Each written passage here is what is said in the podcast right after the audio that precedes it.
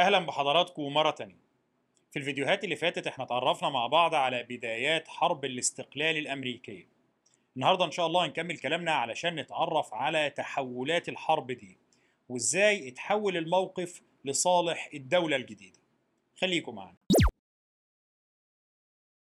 آخر حاجة اتكلمنا عنها في الفيديو اللي فات كانت سيطرة القوات البريطانية على امتداد الطريق من أول كيبك في الشمال ووصولا إلى فورت تيكونديروجا.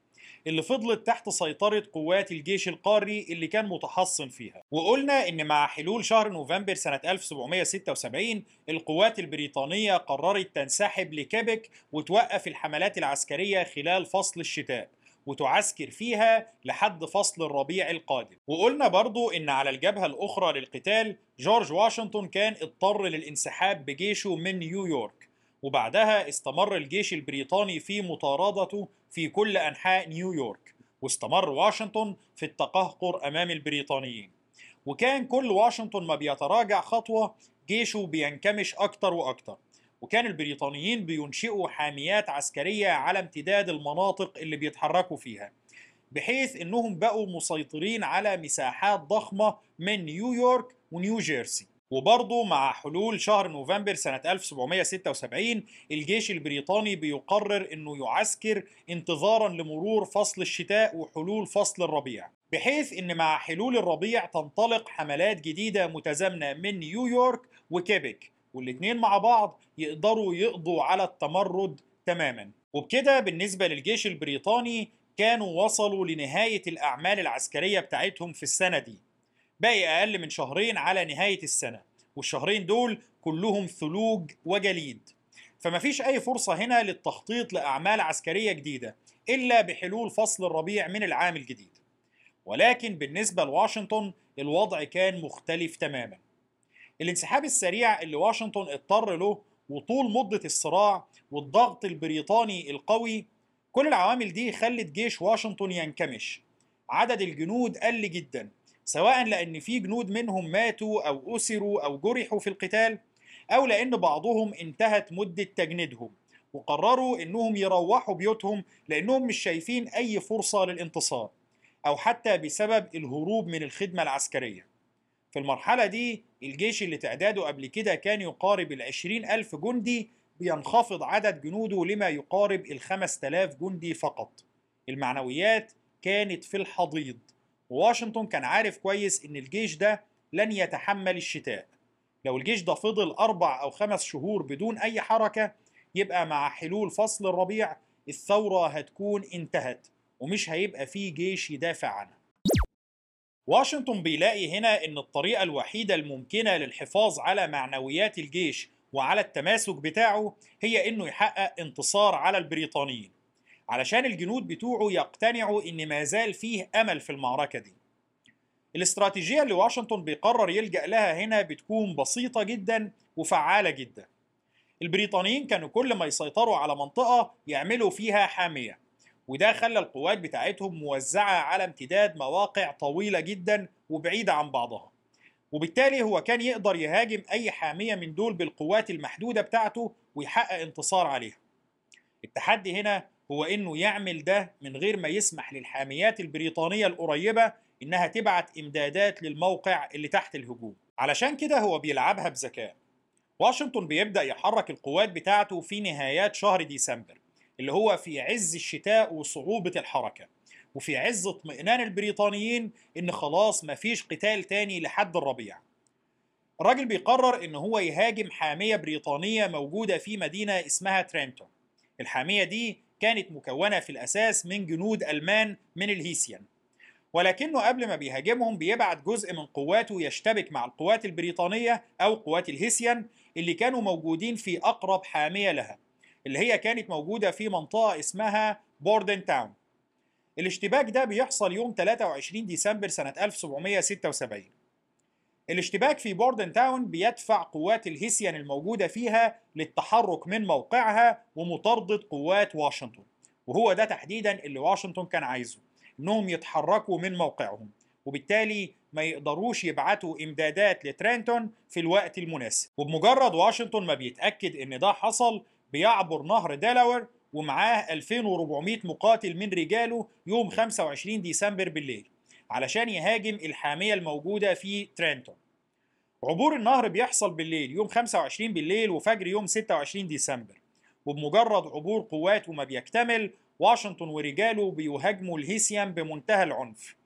الهيسيان هنا بيقاتلوا ببسالة والقتال بيتحرك من شارع لشارع. لكن في النهاية واشنطن بيقدر يحقق انتصار قوي وبيقدر ينتزع الموقع ده من الهيسيان. الخسائر في صفوف الهيسيان بتكون ضخمة. حوالي ألف مقاتل بيسقطوا ما بين قتلى وجرحى وأسرى في المعركة دي بس. طبعا دي ما كانتش خسائر كافية إنها تقلب موازين القوة في الحرب لكنها كانت كافية إنها ترفع الروح المعنوية لجيش واشنطن اللي كان على وشك الانهيار. بس واشنطن ما كانش طموحه مجرد رفع الروح المعنوية. الراجل كان منتظر رد فعل البريطانيين علشان يبني عليه انتصار حقيقي. القوات البريطانية بمجرد ما بتسمع أخبار سقوط الحامية في ترينتون بيقرروا التحرك ضد واشنطن وبيجمعوا 6000 جندي من المواقع القريبة وبيتحركوا للهجوم على منطقة ترينتون أملا في حصار واشنطن. ولكن هي دي تحديدا الحركة اللي هو كان منتظرها لأن سحب القوات دي كلها وتحريكها في اتجاه ترينتون كان معناه إن عدد الجنود الموجودين في باقي الحاميات بقى أقل بكتير. وعلشان كده واشنطن بيتسلل بجيشه من خلف الجيش البريطاني وبيهاجم الحامية البريطانية الموجودة في منطقة برينستون الكلام ده بيحصل يوم 3 يناير سنة 1777 وبينجح في تحقيق انتصار عليهم والسيطرة على برينستون بلغة الأرقام الانتصار في برينستون برضه ما كانش كبير. يعني من حيث القتلى والجرحى كلها كانت أرقام بالعشرات أو المئات على أقصى تقدير.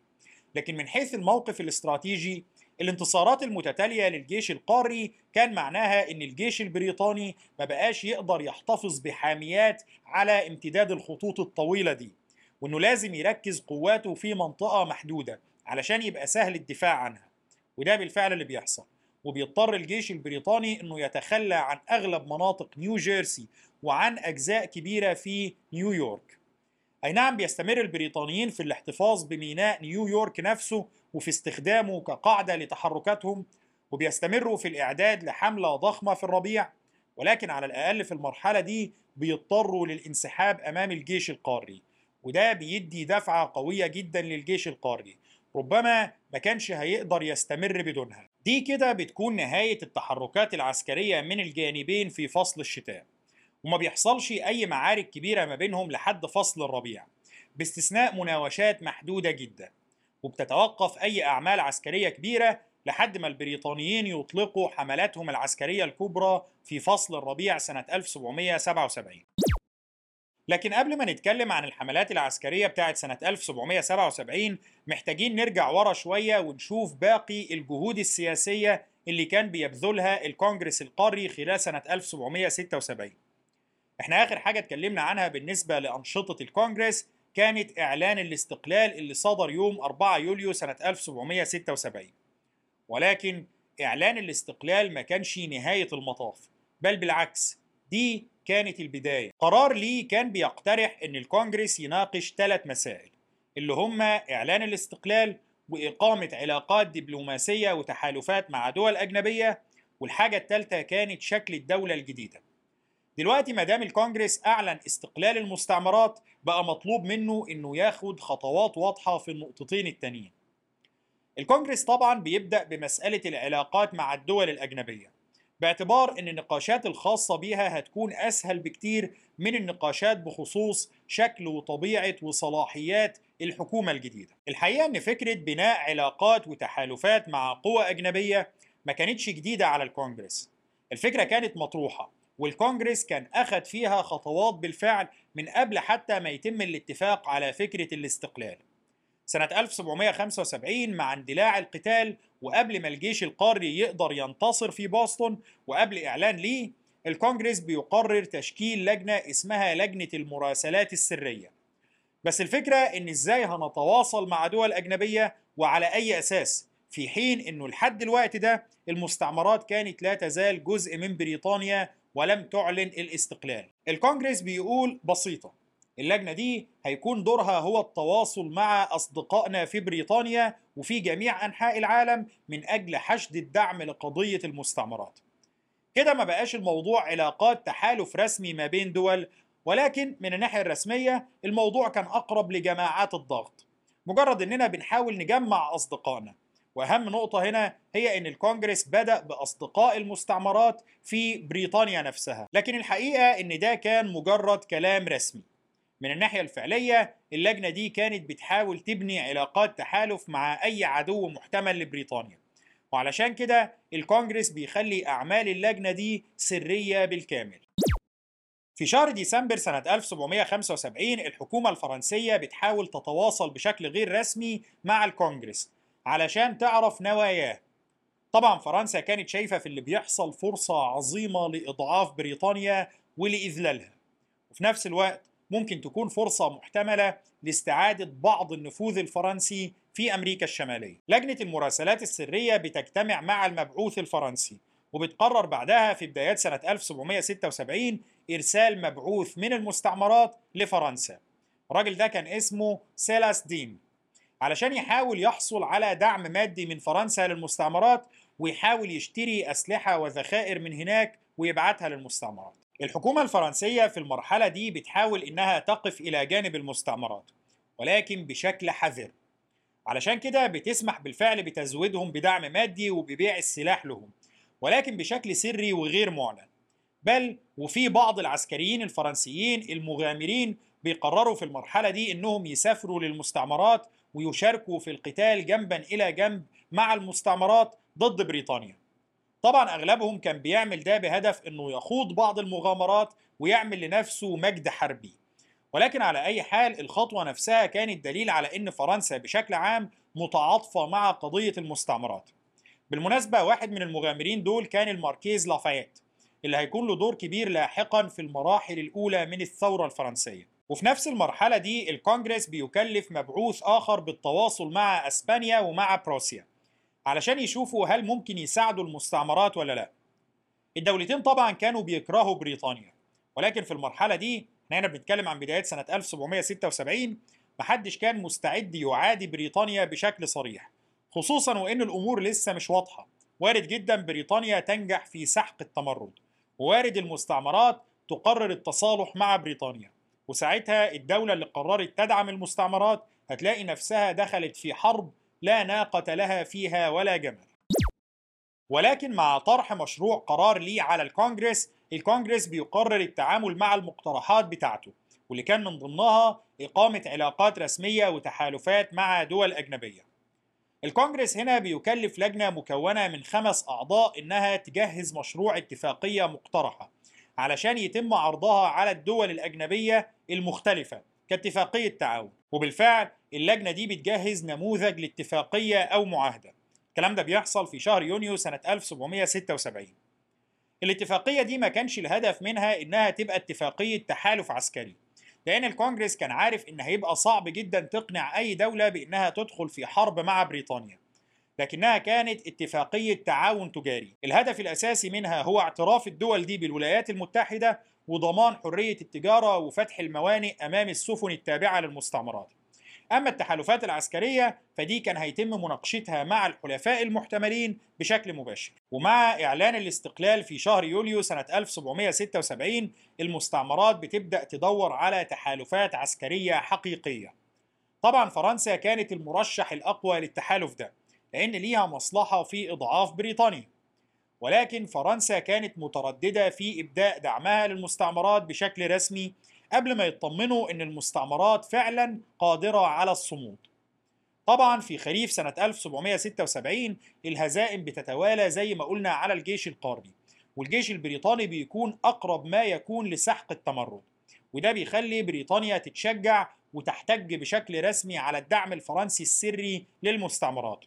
وتطالب فرنسا رسميا بإيقاف أي تعامل مع المستعمرات. ومع نهاية سنة 1776 التطورات كلها كانت بتوحي إن فرنسا هتضطر لقطع علاقتها بالمستعمرات. وده بيخلي الكونجرس يقرر إرسال مبعوث على مستوى أعلى لفرنسا اللي هو بنجامين فرانكلين علشان يحاول يقنعهم بدعم المستعمرات. الكلام ده بيحصل في شهر ديسمبر سنة 1776 في نفس الفترة دي واشنطن بيهاجم ترينتون وبرينستون وبيقدر يحقق انتصارات فيهم. بالرغم من إنها ما كانتش انتصارات ضخمة إلا إنها كانت كافية لإقناع فرنسا إن المستعمرات ممكن تصمد أمام بريطانيا. وده كان كل اللي فرانكلين محتاجه علشان يخلي فرنسا ما تتخلاش تماما عن المستعمرات. طبعا ده ما كانش كفاية إن فرنسا تعلن الحرب على بريطانيا مثلا أو توقع اتفاقية تحالف أو اعتراف بالمستعمرات. فرنسا كانت لسه محتاجة تشوف أكتر من كده بكتير علشان تفكر في المخاطرة بحرب مفتوحة ضد بريطانيا. ولكنه كان كافي إن الدعم الفرنسي السري يستمر. فرانكلين بعدها بيبقى في باريس كممثل عن الكونجرس لحد نهاية الحرب سنة 1783 ووجوده هناك بيكون حاسم في تأمين الدعم الفرنسي للمستعمرات. وفي تشجيع فرنسا على دخول الحرب ضد بريطانيا بعد سنة تقريبا من وصوله. طيب خلينا نرجع مرة تانية للمستعمرات. في بدايات سنة 1777 ومع حلول الربيع القوات البريطانية بتكون جاهزة لإطلاق حملتين كبار ضد الجيش القاري. الحملتين دول اللي هم يعتبروا استكمال لحملات سنة 1776 واللي كان الهدف منهم هو سحق التمرد تماما. حملة تنطلق من كيبك وحملة تنطلق من نيويورك. حملة كيبك كان الهدف منها طبعا زي ما قلنا هو السيطرة على حصن تيكونديروجا وعلى منابع نهر هادسون وبعدها التحرك على امتداد مجرى النهر لحد ما يتم السيطرة عليه كله. وبكده يبقى تم فصل المستعمرات الشمالية عن الجنوبية. أما الحملة الثانية اللي هتنطلق من نيويورك فالجنرال هاو بيلاقي إنه ممكن يوجهها لهدف أسهل بكتير وهو السيطرة على بنسلفانيا. بنسلفانيا طبعا كانت مقر انعقاد الكونجرس كانت تعتبر العاصمة الفعلية للمستعمرات في الوقت ده. فجنرال هاو بيلاقي إن عنده قوات ضخمة في نيويورك اللي هي على مرمى حجر من بنسلفانيا. وفي نفس الوقت واشنطن ما عندهوش قوات كافية في المنطقة للتصدي له. فبيقرر إن الحملة الجديدة يكون هدفها السيطرة على بنسلفانيا وضرب الروح المعنوية للمستعمرات كلها. الحقيقة إن ده كان تغيير كبير في الاستراتيجية البريطانية. البريطانيين لما حطوا الاستراتيجية بتاعتهم من أكتر من سنة كان الهدف الأساسي منها هو أن جيش بريطاني يتقدم من تيكونديروجا في اتجاه الجنوب بمحاذاة نهر هاتسون وإن جيش تاني يتقدم من نيويورك في الجنوب علشان يقابله في الوسط في منطقة ألباني. وبكده يبقى البريطانيين نجحوا في فصل المستعمرات الشمالية عن الجنوبية ونجحوا في إنهم يفتحوا خطوط تواصل مباشرة ما بين جيشهم في الشمال وجيشهم في الجنوب. لكن التغيير اللي حصل في الخطة وتوجيه الحملة الجنوبية للسيطرة على بنسلفانيا كان خطأ استراتيجي قاتل لأن ببساطة بنسلفانيا ملهاش أي أهمية من الناحية العسكرية. حتى لو الحملة اللي رايحة بنسلفانيا نجحت في السيطرة عليها تماما الجيش البريطاني مش هيكسب أكتر من انتصار معنوي وفي نفس الوقت مهمة الجيش الشمالي هتكون أصعب بكتير لأنه بقى مطلوب منه أنه يسيطر بمفرده على امتداد نهر هادسون كله. بعض المؤرخين هنا شايفين أن السبب الحقيقي في تغيير خطط الجنرال هاو كان هو الغيرة والتنافس بينه وبين الجنرال بورجوين اللي هو المفروض من الناحية الرسمية كان تابع له. لأن الجنرال بورجوين كان قدم اقتراحاته للقيادة في لندن بخصوص الحملة اللي المفروض تتحرك من كيبك ولندن منحت قيادة الحملة دي للجنرال بورجوين المفروض من الناحية النظرية إن ده شيء مقبول باعتبار إن الجنرال هاو لا يزال في منصبه كقائد عام للجيش البريطاني في أمريكا. لكن هاو كان خايف إن انتصار بورجوين في الحملة دي ينسب الفضل فيه لبورجوين لوحده. وعلشان كده بيفضل إنه بدل ما يساعده يبعت قواته الأساسية تهاجم فيلادلفيا في بنسلفانيا باعتبار إن سقوط عاصمة المستعمرات هيكون له تأثير كبير في لندن يغطي على أخبار نجاح حملة بورجوين ولكن التغيير ده في الخطط البريطانية كان هو اللحظة اللي بريطانيا خسرت فيها الحرب فعليا. كل اللي حصل بعد كده كان مجرد تحصيل حاصل.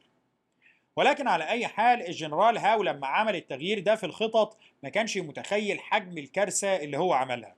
الراجل بيبدأ يحرك حملاته وهو متوقع انتصار كاسح.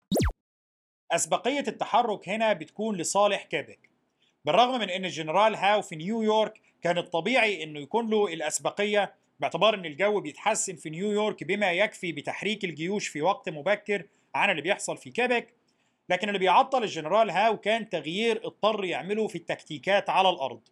وهو أنه في البداية كان بيخطط لنقل جيشه إلى بنسلفانيا عن طريق البر.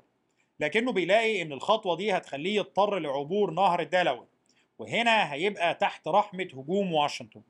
فبيقرر في اللحظات الأخيرة إنه يبدل الخطط بتاعته ويرتب لنقل الجيش بتاعه إلى فيلادلفيا عن طريق البحر. ده طبعا بياخد منه شوية وقت لحد ما بيقدر ينفذه وبالتالي بتكون الأسبقية من نصيب الجنرال بورجوين في كيبك. الجنرال بورجوين بيوصل كيبك ومعاه خطاب تكليفه بقيادة الحملة يوم 6 مايو سنة 1777 الراجل بعدها بياخد حوالي شهر لحد ما بيرتب كل شيء للانطلاق وبعدها بيتم عمل مراسم تنصيب رسمية له يوم 13 يونيو سنة 1777 وبتتحرك الحملة بقيادته في اليوم التالي مباشرة في اتجاه فورت تيكونديروجا. الحملة اللي كانت مكونة من ما يقارب العشر تلاف جندي واللي كان منهم جنود بريطانيين وجنود ألمان وبعض حلفاء البريطانيين من السكان الأصليين.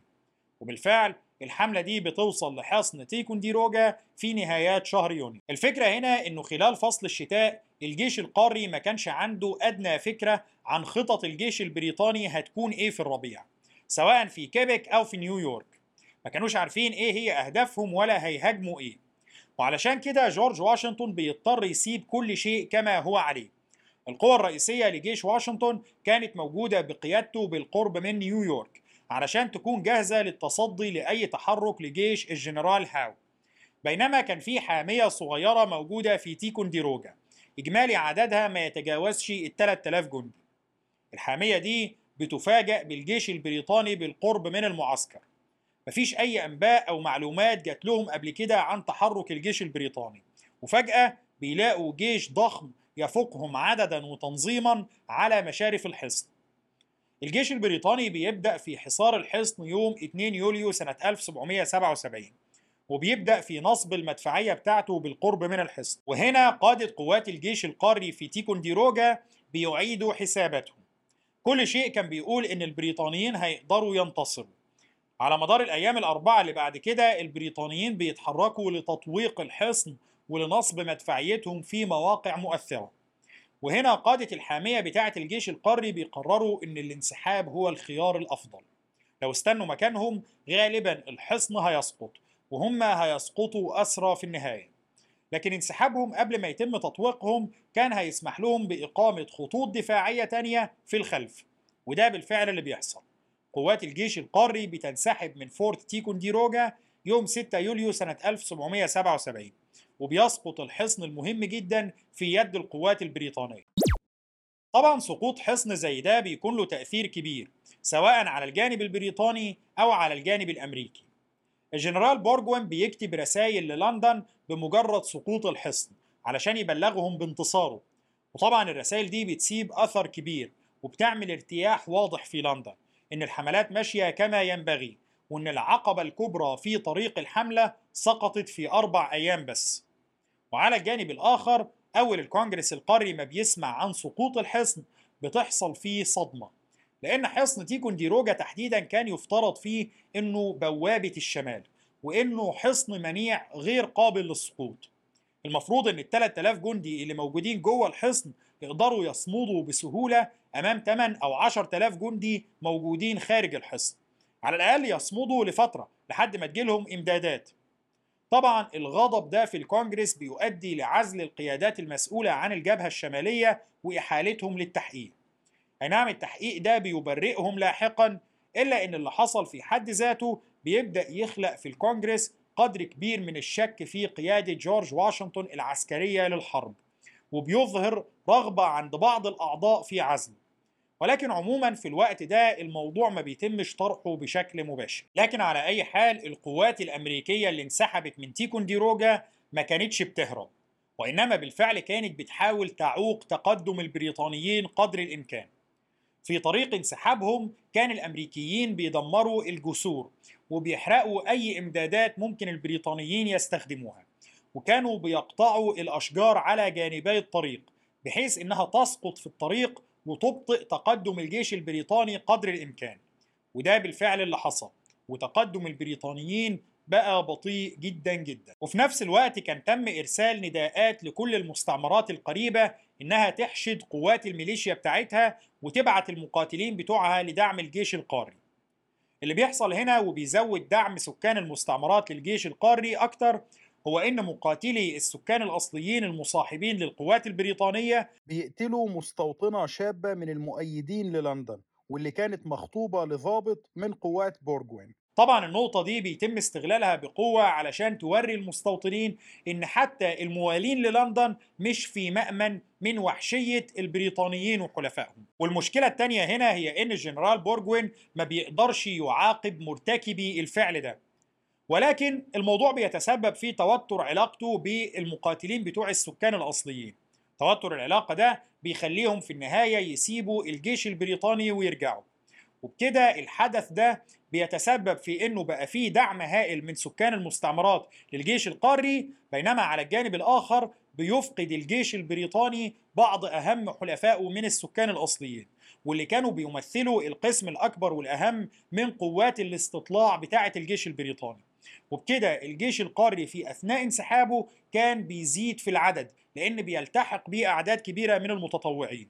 بينما الجيش البريطاني كان بيتقدم وهو مش عارف إيه بالظبط اللي قدامه لأن ما عندوش قوات استطلاع كافية. وأثناء ما كان الأمريكيين بينسحبوا وبيطبقوا سياسة الأرض المحروقة كان الكونجرس لا يزال بيحاول يلاقي حل أو طريقة لدعم الجبهة الشمالية. وهنا بيظهر أمام الكونجرس الجنرال هوراشيو جيتس. الراجل بيتم طرح اسمه باعتباره قادر على تحقيق فارق في المعركة. راجل كان عنده علاقات كويسة في الكونجرس وعلشان كده بيتم ترشيحه. والكونجرس بالفعل بيوافق على تعيينه كقائد للجبهة الشمالية يوم 10 أغسطس سنة 1777 وبعدها بيتوجه مباشرة في الطريق لألباني علشان يتسلم مهامه وبيوصل هناك بالفعل يوم 19 أغسطس. ولكن قبل وصوله بثلاث أيام بس بيكون حصلت معركة صغيرة بتمثل بداية التغيير الحقيقي في توازن القوى في الجبهة الشمالية. اللي هي المعركة المعروفة باسم معركة بينينغتون في المعركة دي قوات الميليشيات اللي كانت بتلتحق بالجيش القاري واللي كان عددها بيتزايد كل يوم بتنجح في نصب كمين للقوات البريطانية والألمانية. في الكمين ده بينجحوا في أسر وقتل حوالي ألف جندي بريطاني ودي طبعا كانت خسارة فادحة.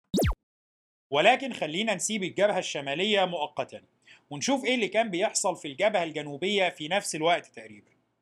زي ما قلنا الجنرال هاو بيقرر إن هو هينقل جنوده لبنسلفانيا عن طريق البحر.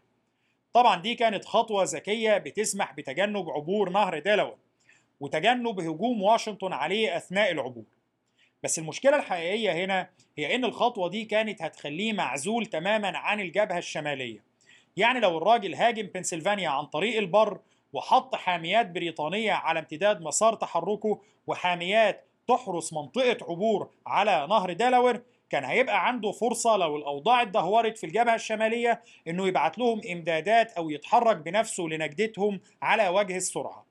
ولكنه بالقرار اللي اتخذه بإن هو يروح عن طريق البحر بقى فيه حاجز ما بينه وما بين الجبهة الشمالية اللي هو قوات واشنطن ونهر دلاوير الجبهة الشمالية بتاعة بورجوين بقت معزولة تماما عنه وبورجوين ما بقالهوش أي علاقة أو قدرة على الاستعانة بالجنرال هاو. وبالفعل الجنرال هاو بيكتب خطاب لبورجوين بيقول له فيه إنه هيسيب جزء صغير من قواته في نيويورك لحمايتها تحت قيادة الجنرال هنري كلينتون.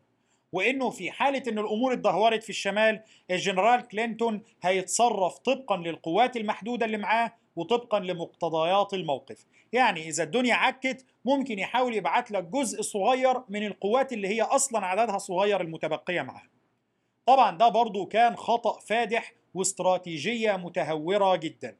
ولكن على أي حال هاو عملها وتحرك بقواته فعلا.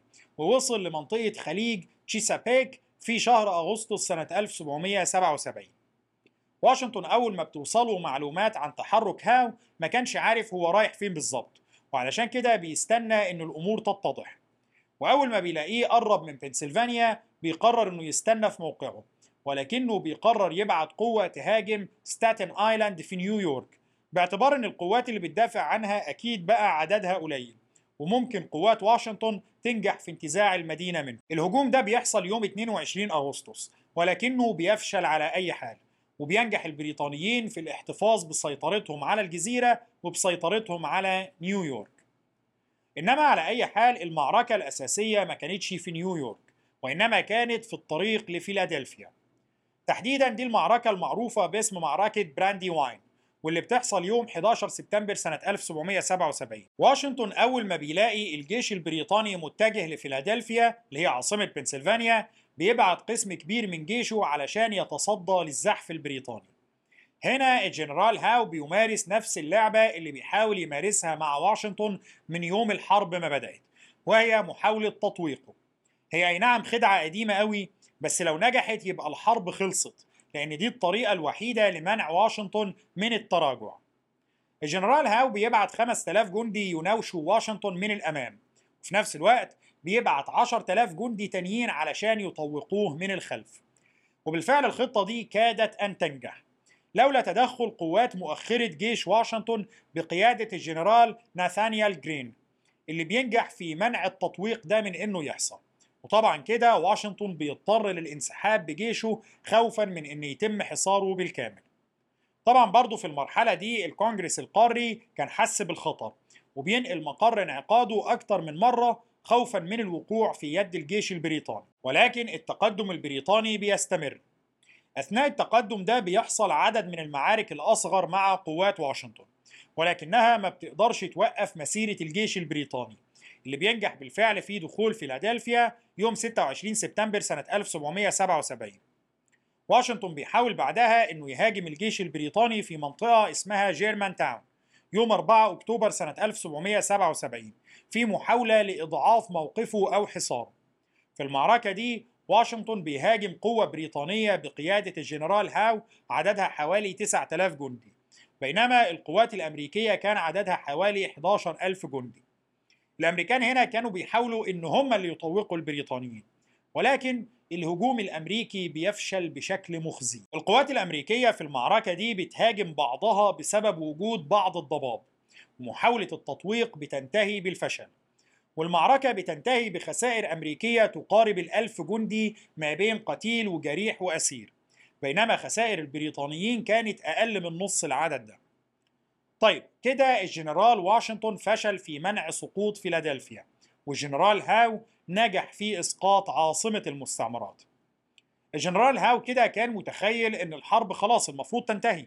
إحنا هزمنا جيش المستعمرات واضطرينا للانسحاب واحتلينا العاصمة بتاعتهم لكن اللي بيصدمه هنا هو إن عادي يعني الحرب بتفضل مستمرة ومفيش أي حد بيفكر في إنه يجي يعرض عليه الاستسلام ولا إنهاء الحرب. بالنسبة لتقاليد الحروب في أوروبا، الحرب كانت بتنتهي بمجرد سقوط العاصمة، أو لو حصل هزيمة عسكرية ساحقة تفتح الباب أمام سقوط العاصمة.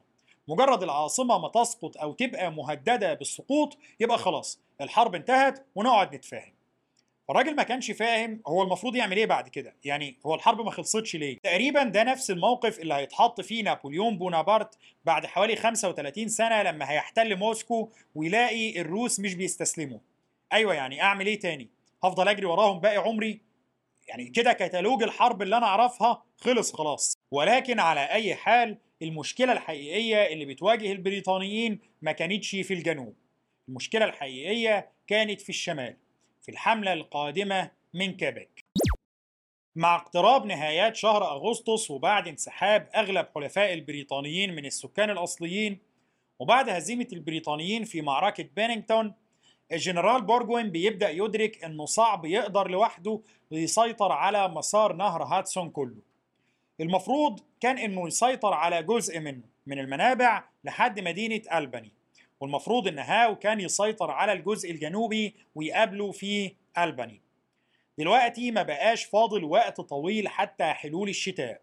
وجنرال بورجوين كان لازم يرتب لتحركاته القادمة بحيث إنه مع حلول الشتاء يكون في موقع يسمح له بنصب معسكرات محصنة والدفاع عنها. فهنا الراجل بيلاقي إنه قدامه حل من اتنين. يا إما يرجع بالقوات بتاعته لتيكونديروجا ويعسكر هناك أو يسيب جزء من قواته فيها لحد الربيع القادم يا إما يكمل تقدمه لحد ما يسيطر على ألباني ويعسكر هناك خلال فصل الشتاء. وبعد كده يكمل تحركاته للسيطرة على باقي مسار النهر في الربيع اللي بعده. طبعا هنا الجنرال بورجوين بيختار التقدم في اتجاه ألباني. التراجع كان هيبقى معناه إن النجاح الوحيد اللي حققه خلال سنة كاملة هيبقى هو السيطرة على حصن واحد اللي هو حصن تيكونديروجا وده كده كان هيعتبر فشل مش نجاح. أما لو وصل لألباني وسيطر عليها يبقى كده نجح في تحقيق كل أهداف حملته. والجزء اللي ما تمش ده ما كانش بتاعه. الجزء ده كان المفروض إن هاو هو اللي ينفذه. الجنرال بورجوين بيقرر التقدم في اتجاه ألباني أو بمعنى أوضح في اتجاه خط الدفاع اللي القوات الأمريكية متمركزة عنده في منطقة ساراتوجا قبل ألباني هنا الجنرال بورجوين بيلاقي إنه كل ما يتقدم بيضطر يسيب أجزاء من قواته كحاميات في المناطق المهمة ما بين جيشه وما بين حصن تيكونديروجا المشكلة هنا هي إنه لو في كل موقع هيسيب 500 جندي أو 1000 جندي يبقى مش هيتبقى معاه قوات كافية يخوض بيها المعركة. وفي الوقت اللي جيشه كان بيتضاءل فيه كان الجيش القاري بيزيد عدده. فالراجل هنا بياخد قرار جريء جدا أو متهور جدا وهو إنه يسحب قواته اللي كانت في الحاميات على امتداد الطريق لتيكونديروجا ويجمع القوات دي مع جيشه علشان يقدر يحتفظ بجيشه في قوة كبيرة تسمح له إنه يحارب الأمريكان ويقدر يحقق عليهم انتصار. ولكن طبعا الثمن اللي هو دفعه هنا هو إنه ما بقاش فيه اتصال أو طريق آمن ما بينه وما بين تيكونديروجا بمعنى آخر ما بقاش فيه طريق للانسحاب. يا تنتصر تماما يا تنهزم تماما. الراجل بيوصل عند خط الدفاع الأمريكي بقيادة الجنرال هوراشيو جيتس يوم 18 سبتمبر. ووصوله ده بيكون ايذانا ببدء سلسلة من المعارك والمناوشات والمناورات ما بين الجانبين بتمتد لمدة شهر تقريبا. المعارك دي على بعضها اللي هي بتعرف باسم معارك ساراتوجا القوات الأمريكية كانت موزعة على مسافة طويلة علشان تقدر تمنع البريطانيين من التقدم من أي اتجاه. ولكن طول المسافة دي كان مغري للبريطانيين إنهم يحاولوا يطوقوا القوات الأمريكية ويعزلوا أجزاء منها ويقضوا عليها. بندكت أرنولد اللي كان بيخدم في قوات الجنرال جيتس في الوقت ده كان واخد باله من نقطة الضعف دي. وعلشان كده بيوجه الجنرال جيتس لإرسال جنود لمنطقة اسمها مزرعة فيمان علشان تمنع تطويق القوات الأمريكية. ورغم إن جيتس وأرنولد ما كانوش طايقين بعض إلا إن جيتس بينفذ الاقتراح وبالفعل البريطانيين بيبعتوا قوة تهاجم المنطقة فبيلاقوا قوات من الجيش القاري موجودة وبتشتبك معاهم. الاشتباك ده بينتهي بسيطرة البريطانيين على المنطقة. ولكن في المقابل البريطانيين بيخسروا 600 جندي في المعركة دي وده كان عدد يمثل حوالي 10% من الجنود بتوعه بورجوين هنا بيدرك حجم الأزمة اللي هو اتحط فيها وبيبعت رسائل للجنرال كلينتون في نيويورك يطلب منه إنه يبعت له قوات تهاجم من الجنوب بحيث إنها تخفف الضغط عليه. وبالفعل كلينتون بيعمل ده وبيبعت حملة صغيرة تهاجم من الجنوب. طبعا الهدف ما كانش إنها تنجح في هزيمة الجيش القاري ولكن على الأقل إنها تخفف الضغط شوية عن بورجوين.